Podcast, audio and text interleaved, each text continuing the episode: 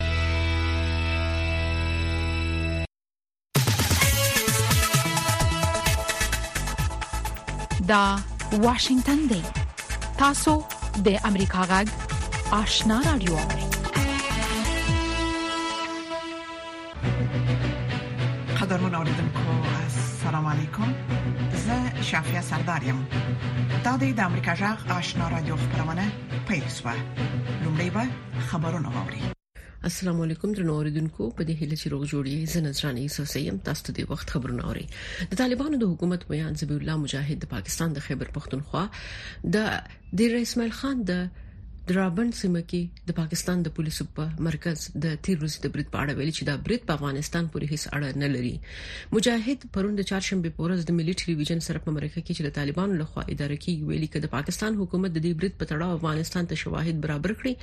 په اړه به پلټنې وکړي زبی الله مجاهد ویلي چې دغه سیبرودونو مخنیوي باید د نن پاکستان کې وشي د پاکستاني رسنیو د رپورټونو لمخې د خیبر پښتونخوا د ډیر اسماعیل خان په درابن سیمه کې د سشنبه ورځ د پوسټ په مرکز د موټر بم برید کې دریش پاکستاني عسکر وژل شول او لسګونه نور جوړ شوي دي د ملګرو ملتونو د ماشومانو د ملاتړ ادارې یونیسف وایي چې په روان میلادي کال کې به 12.4 میلیون ماشومان په ګډون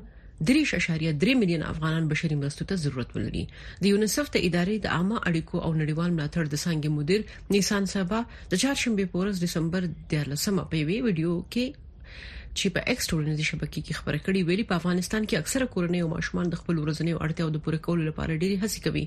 خاغلی صاحب وویل لکه څنګه چې موږ سږکال افغان ماشومان ته د بشري مرستو غوښتنه پیلو افغان ماشومان سره خپل شفقت له یاده ونه باسي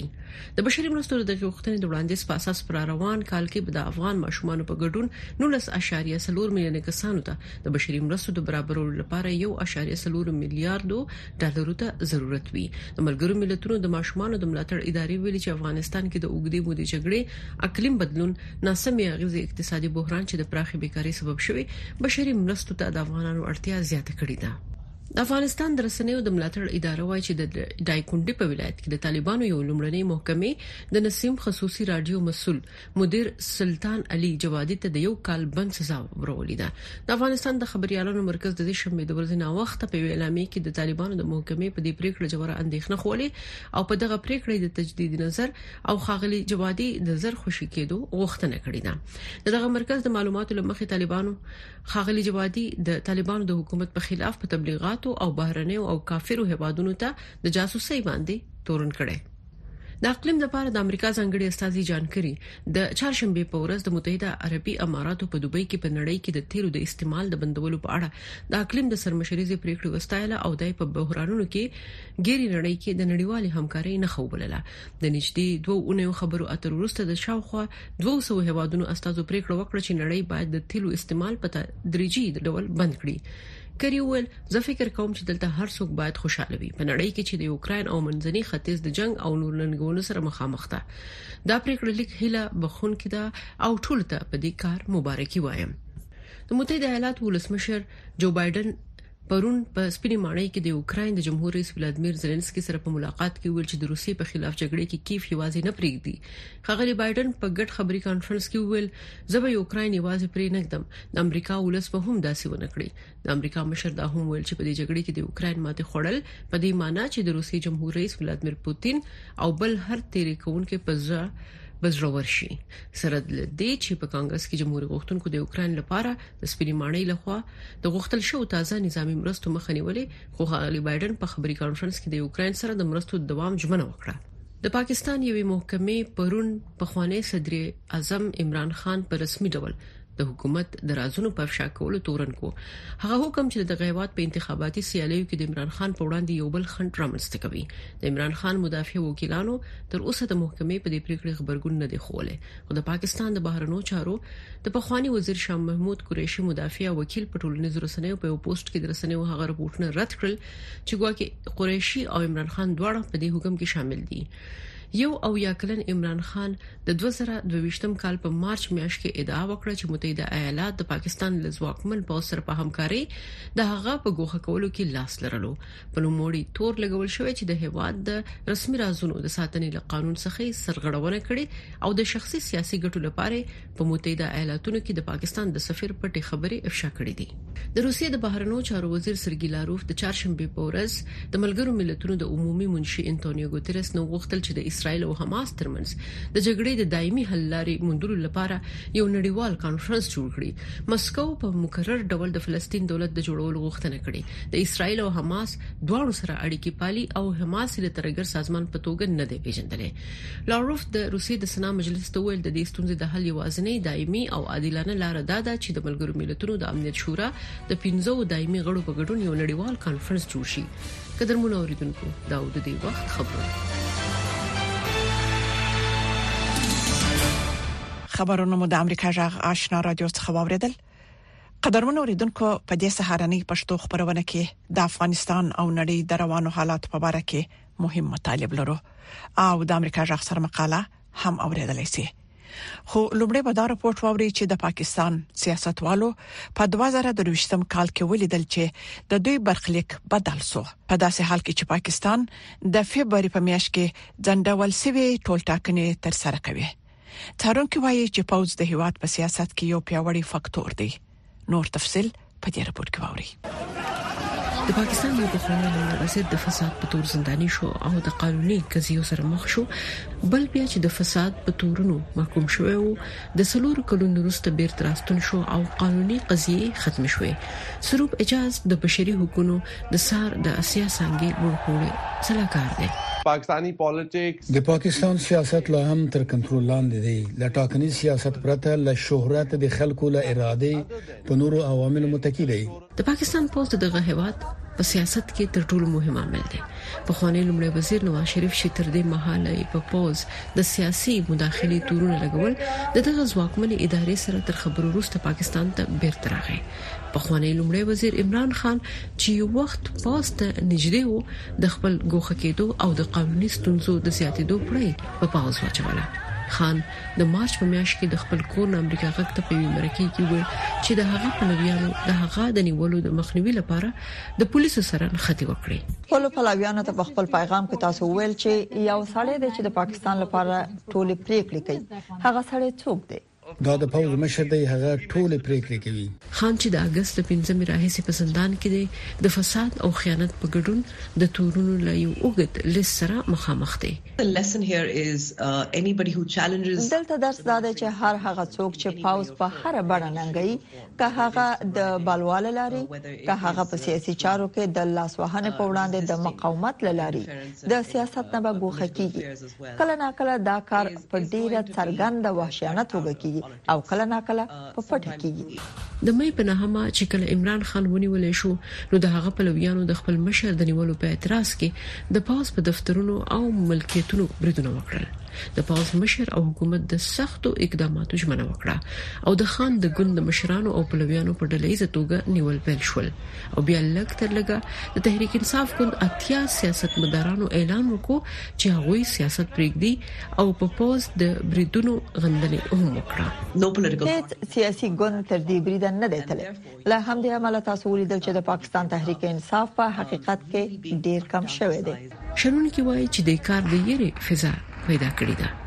د خان نوم او مخ د رسنیو ورک شوی دی خو هغه بیا هم په خلکو کې ډیر محبوبیت لري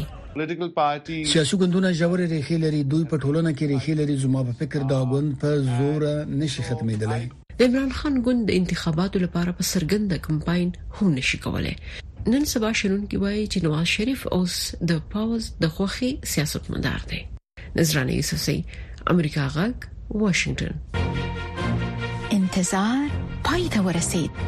ترنو لیدونکو او اوریدونکو تاسو کولی شئ د امریکا غږ ټلویزیونی او رادیوي خبرونه د یاشر ساتلایت له طریقو وګورئ او واورئ د نوي ساتلایت لارې تاسو د آشنا اتصال او کاروان ټلویزیونی خبرونه کتلای هم شئ د امریکا غږ د افغانستان څنګه خبرونه په 309 پټ چنل او د آشنا رادیوي خبرونه په 309 پټ چنل کې اوریدلای شئ لملتيامو د تل پشان مننه قدرمن اوریدونکو د افغانستان د پخوانی ولسی جرګې پر مشر من رحمان رحماني او د هغه پر زوی اجمل رحماني د متحده ایالاتو لخوا د بندیزونو تر لګولو وروسته افغان او امریکایي چارواکو بیلابل خبرګونونه څرګند کړي دي یو شمیر کارپوهان د فساد په تړاو پر میر رحمان رحماني او د هغه پر زوی اجمل رحماني بندیزونه د تیر نظام د مفسدو چارواکو په وړاندې د امریکا د اقدام پیل کړي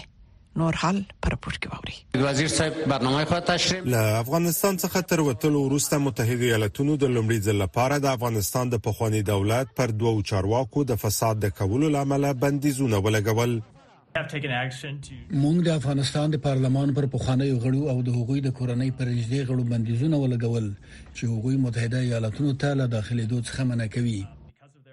د امریکا د خزانې وزارت د دوشنبې په ورځ د یوې اعلامیې په ترڅ کې څرګنده کړې چې د رحماني کورنۍ د نورو د تاوان په بدل او د ځان د بډای کولو لپاره د خپل فساد طرحې ترتیبولې فساد په تیر شل کلونو کې په افغانستان کې یو عمده ستونزه و چې حتی ویل کېږي د جمهوریت نظام په ړنګېدو کې لوی ونډه درلوده د جمهوریت د 2000 اول کال نه تر 2021 کال پورې فساد خپل اوج ته رسېدلی و او په دغه اړه باندې موږ د افغانستان په ولسي جرګه کې غږ هم پورته کړی، هم فردي فساد، هم اداري په. د امریکا د خزانې وزارت د معلوماتو له مخې،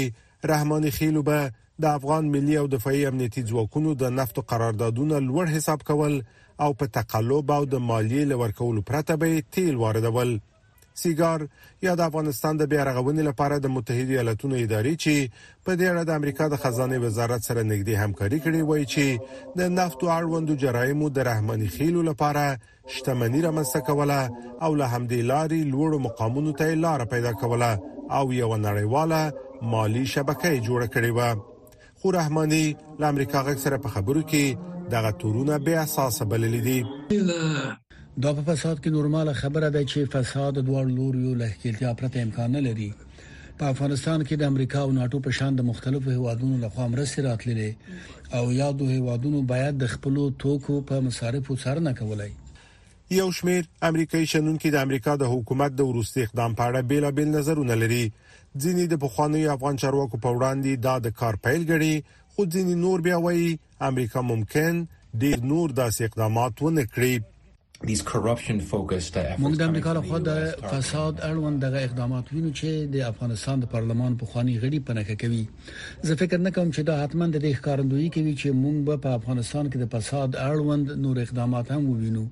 په خاص ډول ځکه چې متحده ایالاتونو افغانستان پریخي او هلته په جګړه کې نه دي د افغانستان د جمهوریت نظام لړنګېدو مخکې هم د سیګار مشر امریکایي قانون جوړونکو ته په افغانستان کې د امریکا او نړیوالې ټولنې په مرستو د پراخ فساد په اړه سخت اندېښنه څرګنده کړې و تخنیکی او حقوقي لحاظ دوه ډوله قوانین لرو او د دغه جرمونو په ارتباط هم موږ دوه ګوني تقنیني اسناد لرو اول د موږ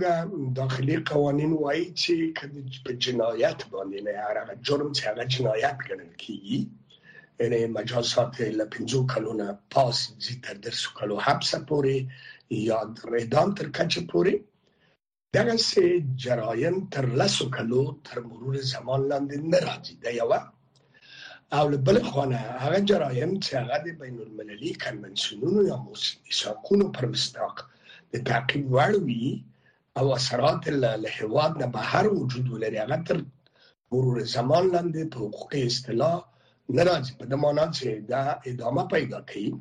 متحد ایالاتونو نه یوازې د هوا ته د میر رحمان رحماني او د غد زوی اجمل رحماني په سفرونو بندیزونه لګولي بلکې په متحد ایالاتونو کې د غوښتمنې هم کنګل کړي او هیڅ امریکایي شرکت یا فرد له غوي سره د راکړي ورکړي اجازه نه لري سمي الله جلال زای د امریکا غږ متضاد اړخونه بیلابیل دریزونه د سپیناوي تود مخامخ بحث او په اخر کې قضاوت ستاسو پر مهمو سیاسي امنیتي اقتصادي او ټولنیزو مسایلو د افغانستان سیمه او نړۍ باندې د جوړ چیډنیز بحث مهمه او نيزه خبرونه هایل د هرې جمعې په ورځ د افغانستان په وخت د ماخام ونیمونه تر اته بجو پورې د امریکا غږ د سټلایټ لارې په ژوندۍ بانه هایل د امریکا غږ د روانو چارو نوي ټلویزیونی خبرونه دا د امریکا غږ آشنا رادیو ده د افغانستان د یوې وتلې هنرمندې میرمن قمر ګلې دمړنی یو کال پر اسو د میرمن قمرګلی یو شمیر نږدې دوستان او مینوال وایي چې میرمن قمرګلی د شهرت لپاره نه بلکې د هنر لپاره سندري ویلې او تلپاتې به وي د میرمن قمرګلی د ژوند او هنر د ستایلو او یادولو په مخه د افغانو شذو ادبي بهیر انلاین غونډه جوړ کړې و وحید فیضی په دې باره کې رپورت جوړ کړی دی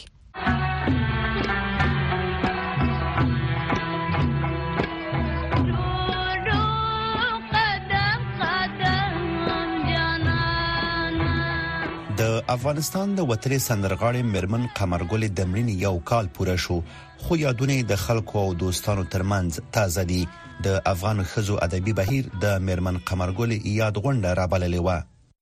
ای کاش نن موږ د دې لوی انسان لمانځنه د دې په ژوندوني کړې وای خدا هم لوی خبره ده چې د افغانستان په اوسنوي شرایطو کې موږ د دغه سی وی لوی هستۍ لمانځنه کوو او دغه لمانځنه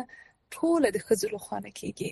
هغه میرمن کمرګل یوه زړوره کلاسیک او فولکلوریکه سندرغاړې وه هغه یوه هیوادپاله هنرمنده وه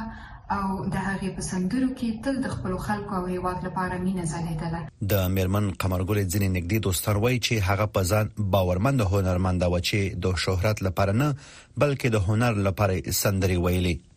زه چې ګورم هنرمندان معمولا ډیر د مکروفون د ساوند سیستم د د تبلې په تیره ډیر تلوسه او سودای ورته وی چې ودرګه ټول شان سم وی چې د دوی غږ سم وسی مګر قمرګل چې به میکروفون شاته کېناسته دا نو به نه د سازیانو خیال کاوه پام یې ورته و نه د ساوند سیستم ځکه نه یې غږ ساوند سیستم ته اړ و او نه دا خپل نورو سازیانو ته د څه بناسته ولکه واکمنه ما به ویل چې په دې د دې موسیقي په ملک دا نو قدرتمنده ملکه ده. په دې غونډه کې د بلبلې په نوم د لیکوال لال پاچا ازمون د کتاب مخکتنه هم وشوه چې د میرمن قمرګلې پر ژوند او هنر لیکل شوی دی. دا رومان دی او رښتیا رومانتیک خبرې پکې دي او تاسې خیر دی. لږ تر لږه دا هغه په خوانه ژوند مو ګورئ مونږ په خوا ژوند خراب نه دی تیر شوی مونږ بد ژوند نه دی کړی د پښتنو ژوند بد ژوند نه وو پښتانه به هنر خلک نه وو د دې کتاب نه تاسو ام دا پته لګولې شو و زمانہ کې تاسو مونږ په کوم حالاتو کې یو میرمن قمرګل نګدې نیمه پیړۍ سندري ویلي او په ملي کچه زیات شهرت موندلی وو میرمن قمرګل د سرطان په ناروغي اخته و او د 2022 کال د دسمبر په 9 نیټه په کاناډا کې وفات شو او هلته خاور ته وسپارل شو وحید فیضی د امریکا غږ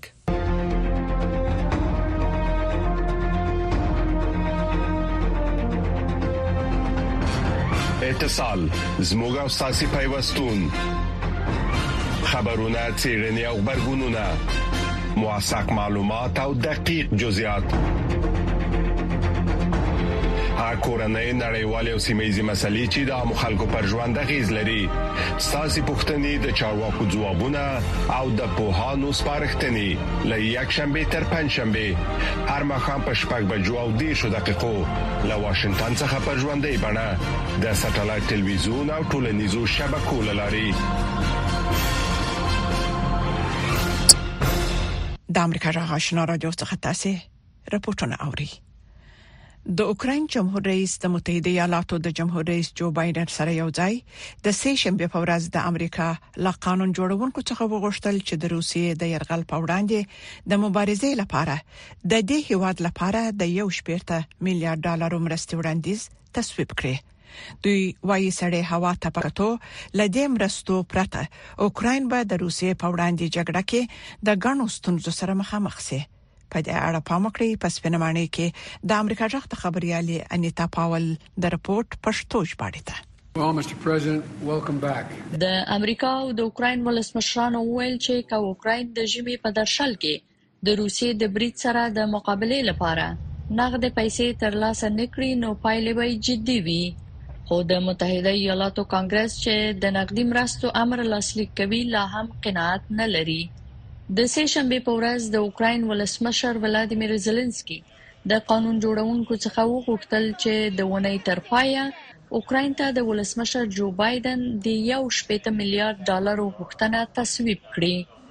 جمهوریت غوښتونکي وایي چې دوی غواړي د دغو مرستو لپاره مناسب څار او روښانه تګلارې وګوري بایډن د خپل دوامدار ملاتړ ژمنه وکړه او وی ویل چې هغه غواړي د اوکرين بریا وګوري او جمهوریت غوښتونکو یې تورن کړل چې د مرستو په تصویب کې د پاتې راتلو سره د ماسکو په لاس کې لوبيږي د کرملین د وی خبرونه کوربه ویلي آفرین جمهوریت غوښتونکو دا زموږ لپاره خدي لکه یو روسي چې خبرې کوي که تاسو د روسیې پروپاګاندا کوونکو لخوا ستایل کیږئ نو دا به هغه وخت وي چې بیا فکر وکړئ چې تاسو څه کوئ تاریخ به د هغو کسانو په اړه سخت قضاوت وکړي چې ازادۍ ته یې شاړولې ده زلنسکي د قوي هوایي دفاع غوښتنه وکړه او ویل چې دا غ ملت به خپل خاوره تسلیم نکړي زه له دې خلکو یوه پوښتنه لرم چې ایا دوی چمتو دي چې خپل ماشومان ترهګرو ته وسپاري؟ زه فکر کوم نه. د روسیې د بهرنیو چارو وزارت زیلنسکي په سوالګرۍ تورن کړ او ویې ویل چې هغه د امریکا ګوډاګی دی. داسې برېښي چې امریکایي مالیه ورکوونکي د اوکراین له جګړې ستړي شوي او ځینې جمهوري غوښتونکي پوښتنه کوي چې ولې د امریکا شاوخوا درېیمه برخه پیسې د وسلو په لور نه بلکې د حکومت مرستو ته ځي جان جیمسن د ماين پاکولو مامور چې په دې ورستیو کې اوکرين ته سفر کړی وایي چې اوکرين پیسو ته سخته اړتیا لري ماين پاکونکي په کار بوخت وو چې د توپونو غږ مو واوریده دوی ځکه ماينونه پاکوي چې دا د مځکه د بیا کښت او د حاصلاتو د پاره یو وړین کار دی چې په دې ډول دوی بیرته د ژوند ته مخه کړي او نه یوازې د جګړې په وړاندې مبارزه وکړي بلکې ژوند وکولای شي نه مونږ تر هغه پورې د ته انتظار نشو کولای چې جګړه پای ته ورسیږي خو کله به جګړه پای ته ورسیږي شنونکي وایي چې دا ممکن له یو کال څخه ډیر وخت ونیسي او دا پوښتنه رامنځته کیږي چې آیا د اوکرين ملاتړي به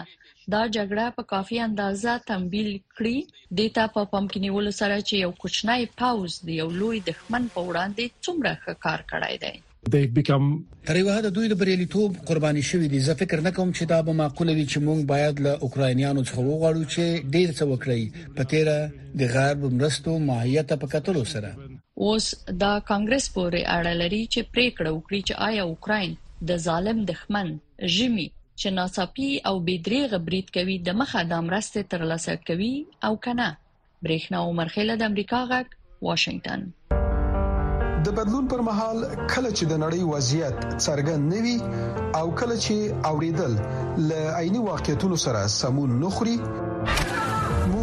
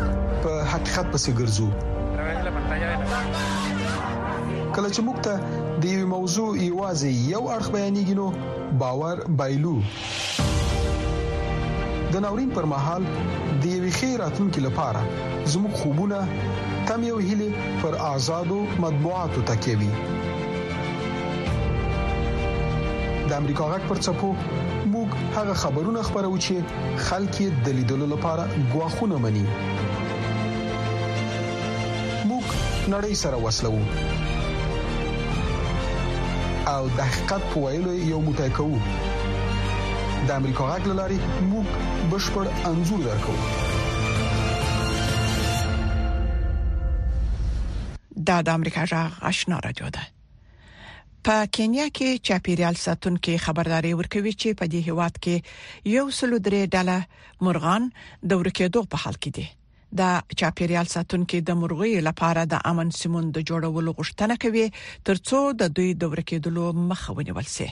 پام وکړئ په دې حق لپاره پورته دا ټپوس بل اخره په مصنوعي پخې درېدل زده کړل ځنې وختونه هغه ته د توازن ساتل ستونزمن کار وي وکاله مخې هغه د برېښنا په مزیل کې ناستلو وروسته برق ونیو چې لدې کبل د هغه پخه او زر هم ټپي شول. د سویسامبو د مرغانو مرکز د کینیا په راپه دره کې موقعیت لري. په دې ځای کې د ډوک په نامه د ټپي شوي ټپوس په شان مرغانو سره مرسته کېږي ترڅو بېرته ورغول شي. جولیت وایاکي په دې ځای کې د ویترنرې په توګه کار کوي. هغه وايي چې درې شیان دي چې ډېر مرغانو ته صدمه رسوي.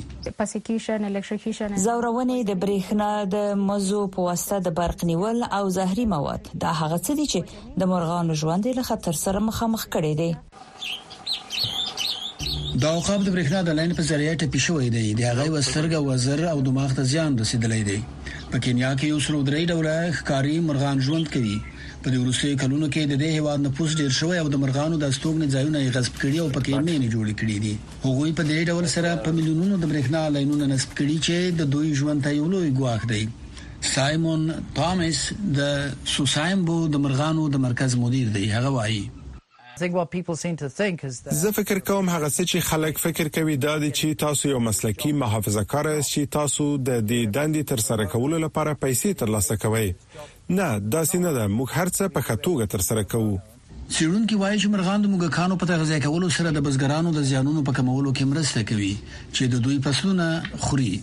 دوی همدارنګه د هغو ساري ناروغیو په مخنیوي کې هم مرسته کوي چې له یوه ځایه بل ځای ته د موږکانو په واسطه انتقالېږي. خو څېړونکي وايي چې د مرغانو د خوړلو دا رقم کله ناکله د هغوی د مړینې یا ټپي کېدلو سبب هم ګرځي.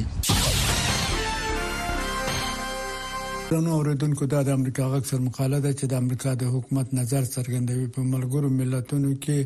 د خاصو سیاسي چارو لپاره د امریکا د حالت بدل استاذي سفیر رابرټول ډویلي امریکا د ملګرو ملتونو د امنیت شورا د پریکړې عبارت ته هرکلی وایي چې د ماهرانو هیئت امر غزوي او د وسلو بندیز، د سفر محدودیت او د سومالیا په باره کې د کنګل شوې شتمنۍ ټاکلی حد نوی کوي. امریکا د دغې پریکړې په طرفدارۍ ریه ورکړه، په داسې حال کې دغه اقدامات او د دوی په عملي کولو کې په څارنه کې د هعت رول مهم دی چې په سوله او په پراخه سیمه کې سوله او ثبات پیاوړی کوي، سفیر ووډ وویل، امریکا د دغه عبارت په پلوۍ رأی هم ورکړه، ځکه دغه اقدامات به د الشباب په شان د تروریستي ډلو د نفوذ په محدودولو کې مرسته وکړي او په سومالیا کې د جنجال د بیونکو غم وخوري سفیر وډویلي موږ د ملګرو ملتونو د ټولو غړو دولتونو نه غواړو چې د موجوده بندیزونو اقدامات عملی کړي چې د الشباب د قابلیت محدودولو کې مرسته وکړي چې پیسو وسلو او نور مرستې ته لاسرسي ولري چې دوی د حملو په کولو کې ورته ضرورت لري او د سومالیا د پولیسو او امنیت موسسې په منابعو سره مرسته وکړي چې دوی ورته د ترورېزم په مبارزه کې ضرورت لري او خپل اتباع وژغوري. موږ د شورا د غړو ملګرو نه نوره غوښتنه هم کوو چې د الشباب د عملیاتو په شمول د بندیز سره مرسته وکړي. دغه بندیزونه څرګندوي چې بین المللي ټولنه به د حساب کتاب ورکولو ملاتړ وکړي او د هغه چا لپاره به عافیت پای ته ورسوي چې په سومالیا کې سولې او ثبات ته تاوان رسوي. سفیر وډویا له امریکا د وسلو او د ذخیرې د ادارې په باره کې د سومالې د حکومت پرمختګ ته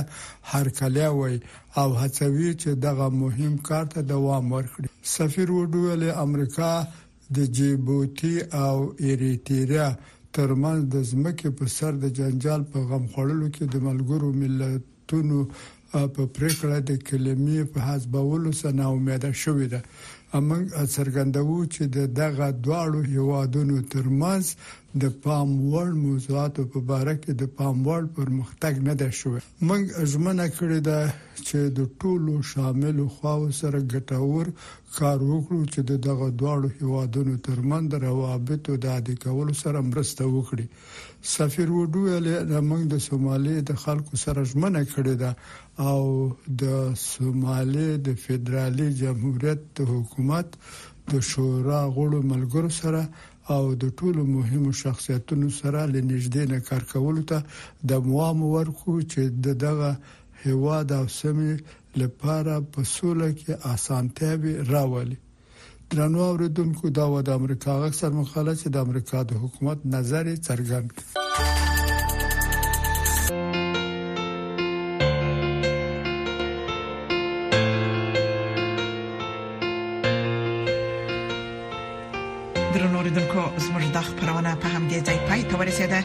د امریکا جغ آشنا را دوه خبرونه دوام لري